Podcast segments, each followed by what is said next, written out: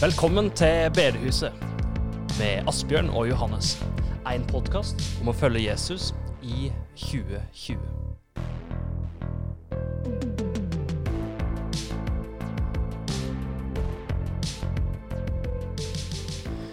Ja, hjertelig velkommen til bedehuset nok en gang. Vi har i dag en, eh, enda en spesialepisode der vi fortsetter på første Johannes brev.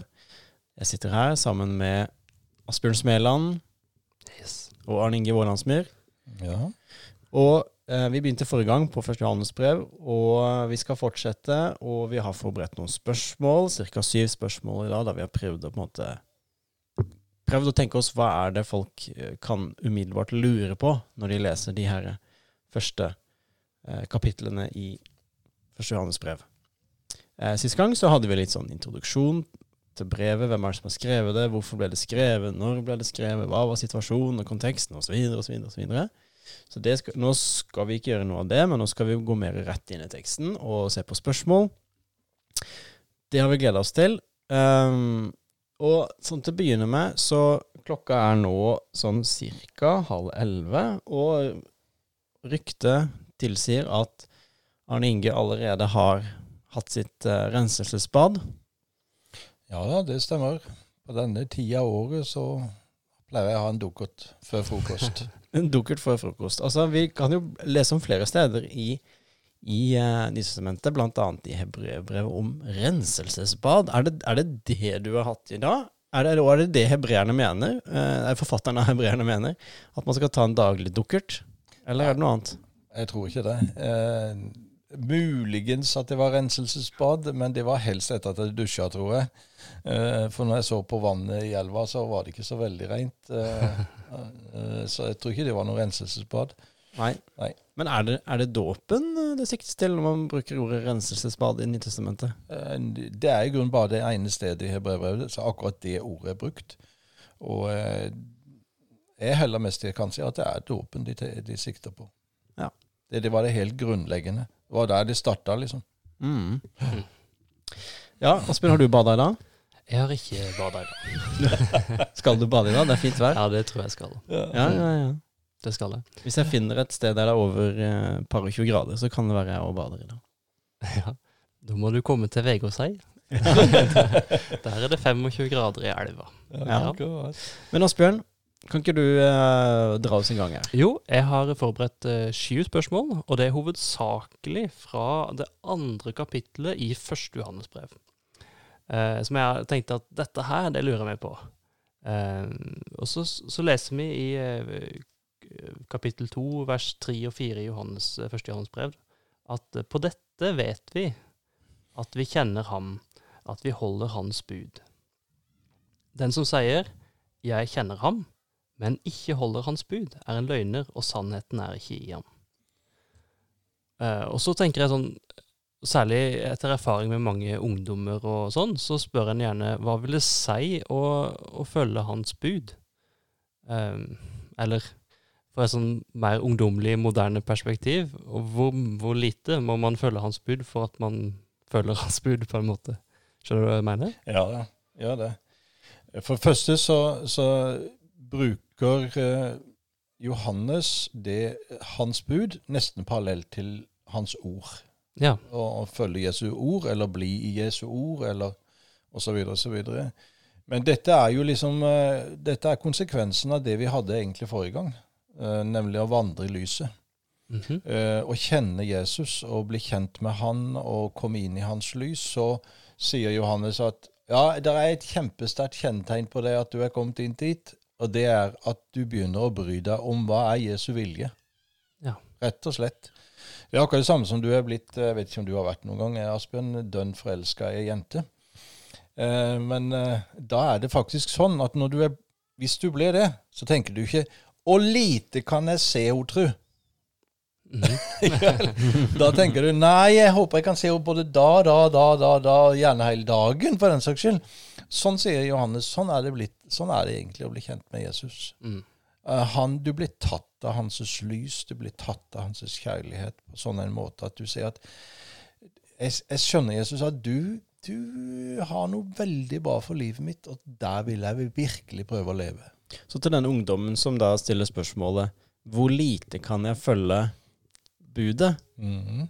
det avslører egentlig kanskje at uh, en har kanskje ikke helt da sett det livet Jesus egentlig har å komme med. Nei, jeg tror faktisk ikke det. Jeg tror til de ungdommene vil jeg mye mer si du vet du hva, ikke glem, glem litt de buda. Prøv å bli bedre kjent med Jesus. Mm. Mm. Men hvilke bud er det egentlig det eh, Altså, er det noen konkret Er det bergprekten som er på en måte budene, eller er det liksom totaliteten av alt Jesus sa, eller Altså, Jesus sjøl eh, kokte jo hele, hele Moseloven ned i de to store bud. Eh, om å elske Gud av hele sitt hjerte. Tenk på det. Elske Gud av hele sitt hjerte, av hele sin sjel, av makt og forstand. Allting.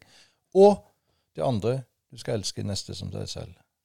mm. Og kan si at alt det som sjøl Jesus siden lærte, og siden han selv levde, det er en konsekvens av det. Så det, er, eh, det tenker jeg det kan oppsummeres i de to store budene. Så det her med bud, det er på en måte koker ned til det som har med kjærlighet å gjøre. Ja, kjærlighet til Gud, Mm. kjærlighet til min neste. Så bra. Eh, takk, det var, det var et godt svar. det skal du ha. Eh, og så kommer vi videre i kapittel seks der. Der står det at den som sier 'jeg er i ham', må leve slik Jesus levde. Mhm. Og det er kanskje litt i forlengelse av det vi allerede har eh, sagt. Mm. Men har du noen sånne refleksjoner rundt åssen ser det egentlig ut å, å leve som Jesus levde? For det står jo her at vi må, vi må leve sånn. Ja, altså, jeg tror det som egentlig kan være en veldig hjelp i det, det er å lese evangeliene og se hvor- åssen var Jesus? Åssen mm -hmm. var det Jesus møtte mennesker?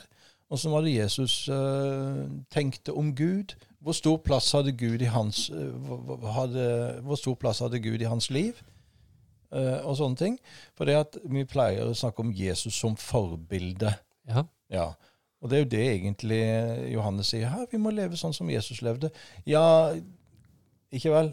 Det, det blir på en måte litt enklere når du har 18 bud som jeg skal, det, jeg skal det, jeg skal det, jeg skal det. Og så kan du bare se på Nei, og sånn var det Jesus gjorde dette her. Mhm.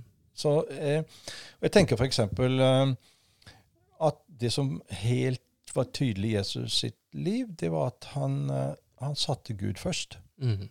Han sa jeg, jeg har ingen glede, jeg har ingen mat i livet hvis jeg ikke på en måte forfølger fars vilje og lytter til han. Mm. Det er et kjempeforbilde. Han var opptatt av min nestes nød og frelse, både deres legeme og deres sjel. Det var hans lidenskap, det var derfor han var kommet. Det er han et forbilde. Jesus var utrolig empatisk. Mm. Han så alltid liksom bakenfor det menneskets ytre, om det var fromme fariseere eller det var elendige syndere, holdt på å si.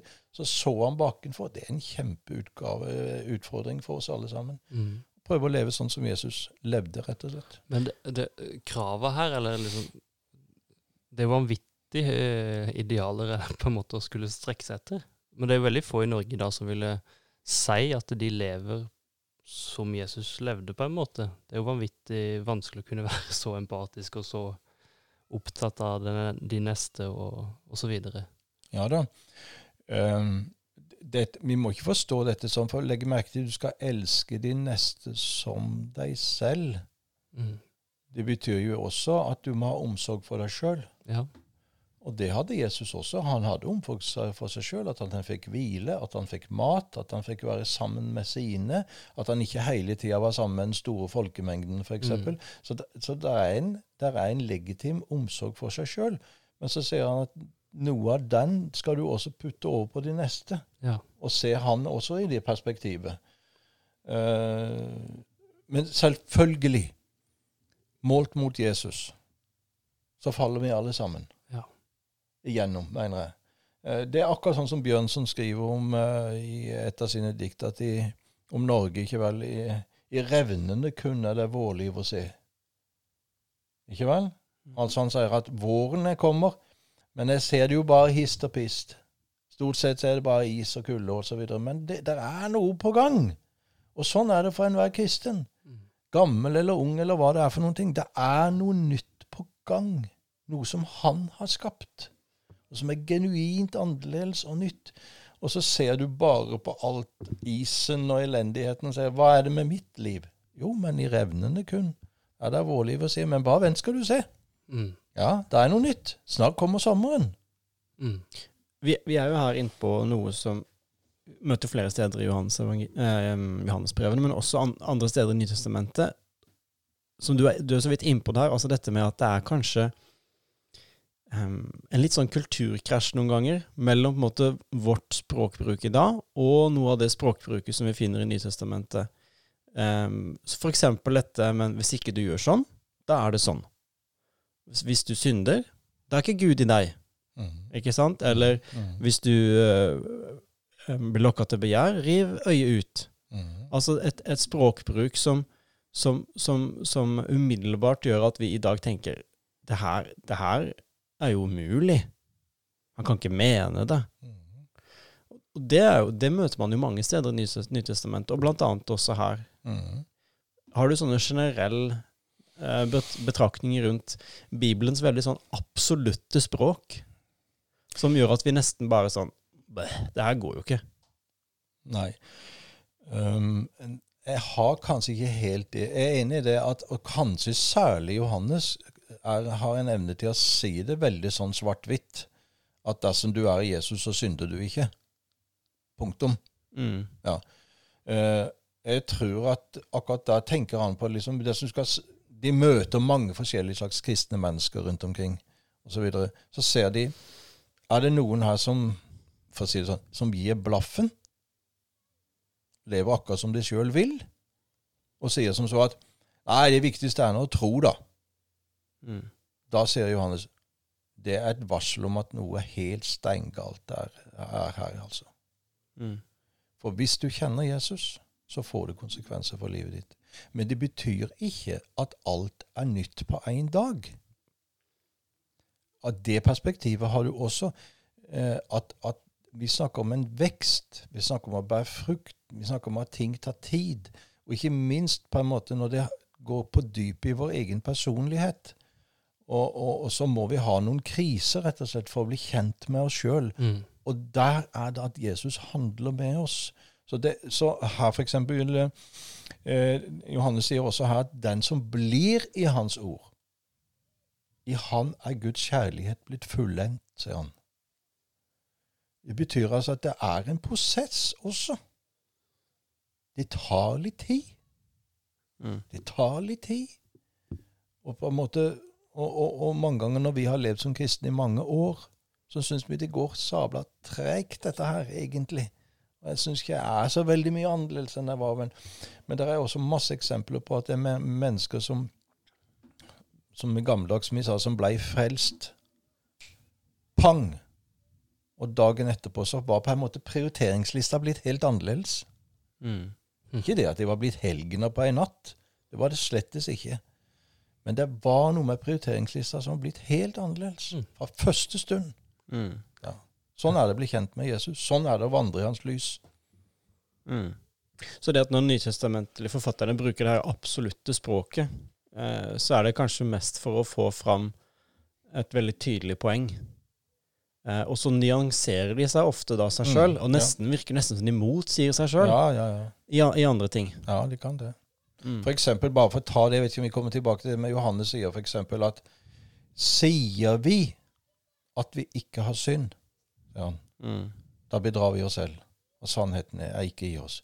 Det kan altså den gamle apostelen på over 90 år si, at hadde jeg sagt at jeg ikke hadde synd, Mm. da hadde jeg jugd, altså. Og så sier han litt seinere den som Den som tror synder ikke. Ja. Så det, det, det Ikke vel. Derfor må vi, vi må dypere i det for å skjønne hva egentlig er det han mener med det. Mm. Ja. Jeg har flere spørsmål, jeg. Ja, kom an. Ja. Eh, I eh, skal vi se, vers 11 der, eh, så står det noe om å hate sin bror. Ja. Eh, hva vil det egentlig si å hate sin bror? Tenker vi bror da som noe biologisk, eller er det mer åndelig, eller allment? Vil du bare lese verset der det står, Asbjørn? Ja, jeg kan Asbjørn? lese verset så får vi med sammenhengen der. Men den som hater sin bror, er i mørket og vandrer i mørket. Han vet ikke hvor han går, for mørket har blindet øynene hans. Ja. Dette tror jeg er et kjempeeksempel på akkurat det jeg nevnte i sted. I revnene kun er det vårliv å se. Altså, kjærligheten har begynt å spire i en kristens liv. Litt etter litt. Litt etter litt, ikke vel? Eh, og, og, lever vi der sammen med Jesus, så vil det bli mer og mer vår, mm. egentlig. Men der går ei grense. Det stikk motsatte, altså. Å hate sin bror. Mm. Hvis en gjør det Og da, jeg tror egentlig Johannes her først og fremst tenker på sin åndelige bror. Altså ja. sin bror i Kristus. Men som Peter sier, at kjærligheten til brødrene, så har vi også lært å elske alle andre mennesker. sier han. Mm. Så det, det, går også til syvende og sist også på andre mennesker. Det er et eller annet der. Når du begynner å gi det plass i livet ditt, så har du i grunnen gitt mørke plass i livet ditt. Og mørket er uforenlig med å vandre i lyset. Mm. Sånn at hvis, hvis, hvis eh, Og derfor sier Paulus han sier det på en litt annen måte. La ikke solen gå nedover deres vrede, sier han. Mm. Ikke vel, Han sier ikke at, at hvis du blir sinna, og kanskje, hvis du ruger på det fryktelig lenge, da, og sier at 'det der, der skal jeg aldri glemme', mm. da kan du eh, være i ferd med å gi mørke og hate plass i livet ditt. Og da er du på vei ut i mørket igjen. Så det du må gjøre, det er å bringe det inn i lyset og si det til Jesus. Akkurat som du, er. du ser at det ble forferdelig sinna på den mannen der. Mm. Hvorfor han gjorde sånn, og hvorfor han sa sånne ting. Kan du ta det? Kan du ta det fra meg? Den rette veien å gå. Mm. Og jeg fortsetter å stille spørsmål, for jeg har flere. ja, ja, ja. Nei, for i versene etterpå der så, så skriver Johannes til dere barn, til dere fedre, til dere unge. Eh, ja, han, han, snakket til liksom forskjellige grupper i menigheten som, ja, som kan tyde på at det er flergenerasjonsmenighet, for så mm. vidt. Mm. Ja. Eh, og eh, og du, du, får liksom et sånn Måten han skriver det på, virker liksom poetisk, altså. Kan det virke som. Um, er, er, det sånn at uh, Ja, det er, det er, mange som er unge som, uh, som hører på denne podkasten, og der skriver han blant annet Til dere unge, skriver jeg, fordi dere har seiret over den onde. Mm. Det går an å snakke litt om det. Hva, hva, innebærer egentlig det? Altså, du sa det. Jeg tror det egentlig reflekterer det over en, en fler, at det er en flergenerasjonsmenighet som han ser for seg, der det er eldre, og det er voksne, og det er barn, og det er unge. Og spørsmålet er liksom har dette noe med Er det en slags trappetrinn her, på en måte, i vårt forhold til Gud? At du stiger i gatene, eller et eller annet i den duren der? Eh, jeg føler det Johannes sier der, at eh, vi har del i Guds rikes virkelighet, alle sammen. Selv et barn som bruker Jesu navn, kan få djevelen til å fly. Ja. Eh, dere unge, Og dere har vunnet, dere har seira over den onde, sier han. Så det er jo tydelig at det er ikke kraft av egen kraft eller egen modning eller egen forstand, men alle sammen, store og små, mm. barn og voksne, er lukka inn i Jesus-virkeligheten. Mm. Og der, eh, der, er det seier. Men hva vil det si å, sånn med sånn konkret å seire over det onde? Hva er det han egentlig tenker på da? Det står vel den Den, den onde. Den, den, onde, ja. Ja, ja. ja. Djevelen kommer og sier ja, men du er jo en kjempestor synder. Mm. Ja. Og så sier den, eh, den lille gutten på tolv år som har lest i Bibelen, ja, men eh, Jesus, han har tatt skyldbrevet mitt. Ja, da må djevelen gå, da. Mm. Da har han seier over den onde. Mm. Stilig. Mm. Godt.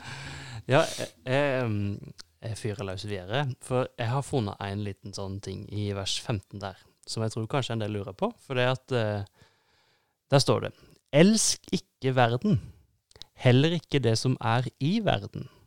Den som elsker verden, har ikke kjærligheten til far i seg. Og da stopper jeg særlig opp med dette elsk ikke verden.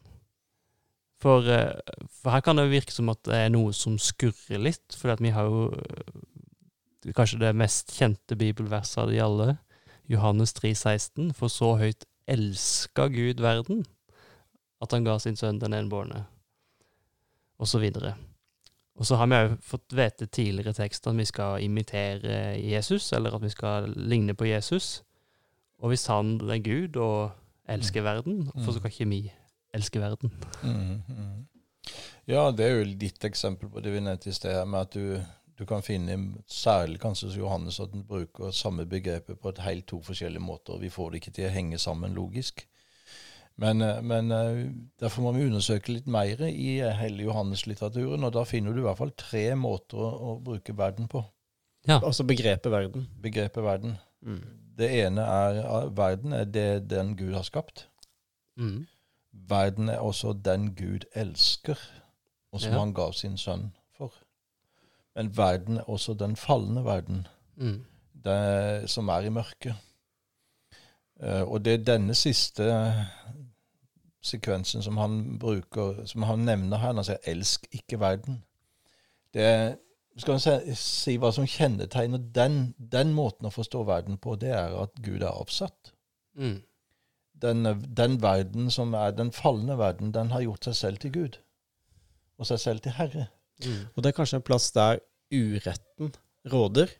Det er uretten råder Og hvis, mange du, ganger. og hvis du elsker en plass der uretten råder, så er du da mest sannsynlig en som utøver nettopp den uretten. for eksempel.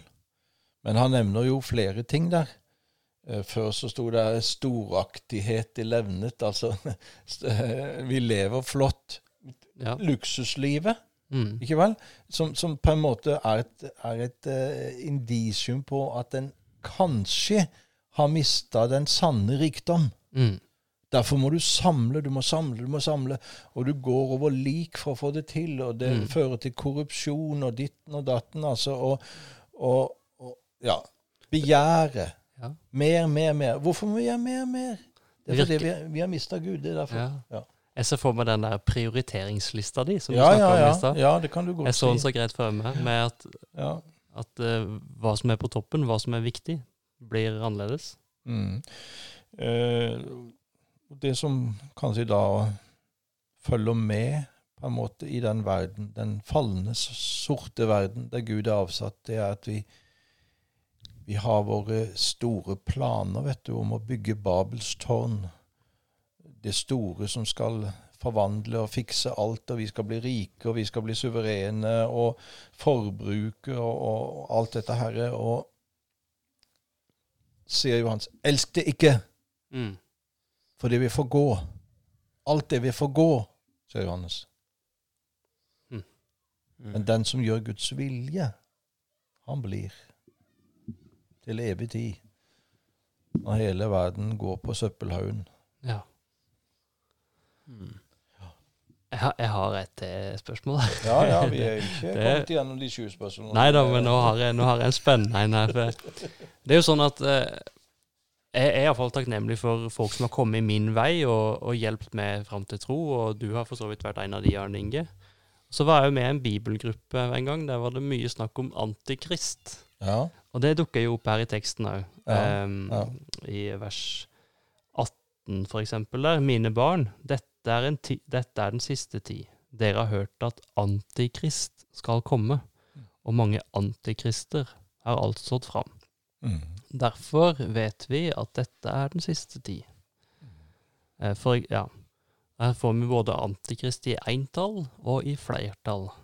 Eh, det, og det kan jo være litt sånn spennende å snakke om. Men har du noe sånn eh, Kan du fortelle kort hva dette her er for noe? For det første så må vi bare si at her eh, åpenbares liksom eh, bi, eh, Johannes sin og Bibelens virkelighetsforståelse. Mm. At det er en eh, det er en ond åndsmakt i denne verden som ikke vi ser, og som fra første stund Jesus satte sin fot på jorda, holdt på å si, så, så var jo djevelen der og prøvde å få utrydde han, Mm. rett og slett. Eh, og og når, når Jesus har etablert seg i verden med Guds rike, så har djevelen fra første stund satt inn en motoffensiv. Eh, sånn at, og, og han har på en måte liksom Og det er jo det Johannes ser, da. at han har han, han har begynt på den måten at han, han sier grunnen ikke det eh, 'Forlat Kristus, kom og følg meg'. Det skulle en jo tro at antikrist, antikrist betyr, betyr mot, en mot-Kristus. Ja. Et alternativ. Et annet alternativ til Kristus. En mot-Kristus, det er antikrist. Men han, sånn som Johannes beskriver det her, så, sier han, så forkynner de bare en annen Kristus. Mm. Altså en annen Kristus enn den de hørte fra begynnelsen. Det er jo et kjempepoeng for Johannes at de må holde fast på det budskapet de hørte fra begynnelsen.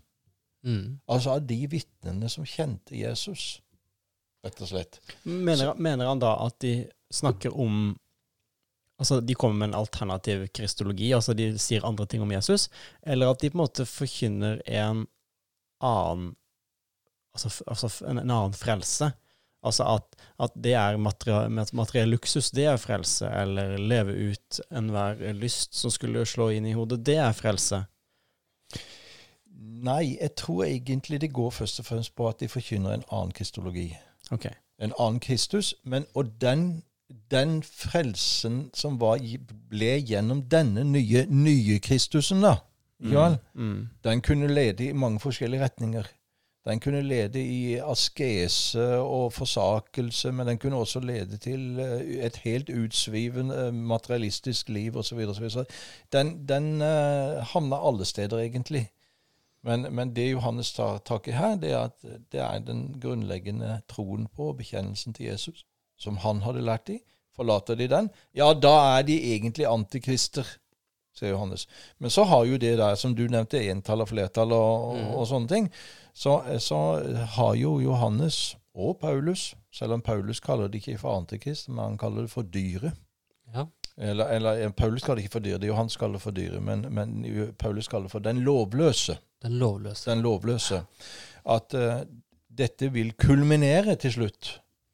På en måte, Han kaster maska til slutt, altså, Mm. og, og det kulminerer ved, ved verdens avslutning i at det fremstår en som virkelig gjør anspråk på å være en alternativ Kristus. Mm. Ja. Noe annet vi setter vårt lit til, på en måte. Ja, ja, ja. Helt Ja. og fullt. Ja, det gir mening. Eh, nå har jeg kommet fram til det siste spørsmålet mitt her. Ja. Eh, sånn siste punktet. Og det handler om salvesen. Mm. Vi hadde jo IK Start eh, fotballklubb, en eh, spiss som heter Salvesen. Men han, er- han er nå vekke, så nå har de ikke Salvesen lenger. Nei, det er ikke han han tenker Nei. på, tror jeg. Nei, det er ikke det. Men de spiller greit likevel. Um, ja, I vers eh, 20 der så står det blant annet at um, Men dere er alt salvet av Den hellige ånd og kjenne sannheten. Mm. Og så skriver han videre i vers eh, 27 men salven, men salven dere har fått fra ham, blir, vær, eh, blir værende i dere, så, så dere trenger ikke opplæring fra noen. For hans salve lærer dere om alt, og den er sann og uten løgn. Bli da i ham slik han har lært dere. Det er ikke bruk for pastorer og forkynnere og predikanter, fordi de trenger jo ikke opplæring. Og skal, ja, ja hvis, hvis han salve skal lære oss alt om vi ikke trenger opplæring, og, eh, og alle kjenner sannheten, da har jeg liksom Det er to ting jeg på en måte lurer på. da. Det ene, det er Folk de er jo uenige hele tida. Åssen Hvordan skal en da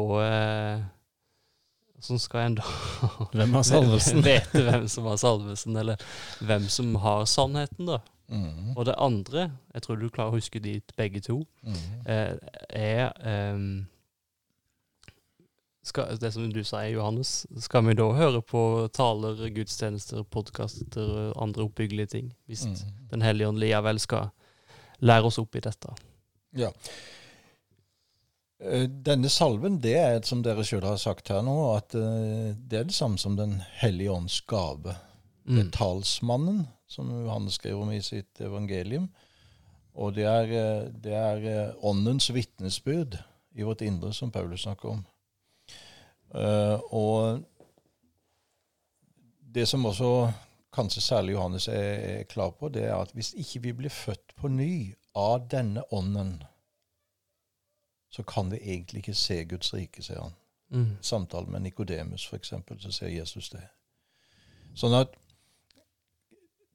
sånn, Guds rikes virkelighet, og fremfor alt evangeliet, kan ikke et menneske begripe og forstå, og langt mindre ta imot, uten at Gud gjør et under i oss ved Den hellige ånd. Den salven har de fått. Mm. Og det betyr at den på en måte stemmen de hørte da, for å si det sånn, i sitt indre, når evangeliet gikk opp for dem, ved Den hellige ånd, den må de fortsatt lytte til. Um, det er den som på en måte opplyser de og, og, og viser de, og, og, gjør at ordet på en måte kan bli levende og taler til oss og bli sant for oss, osv., osv., osv. Så gå for den linja som du begynte på, sier Johannes.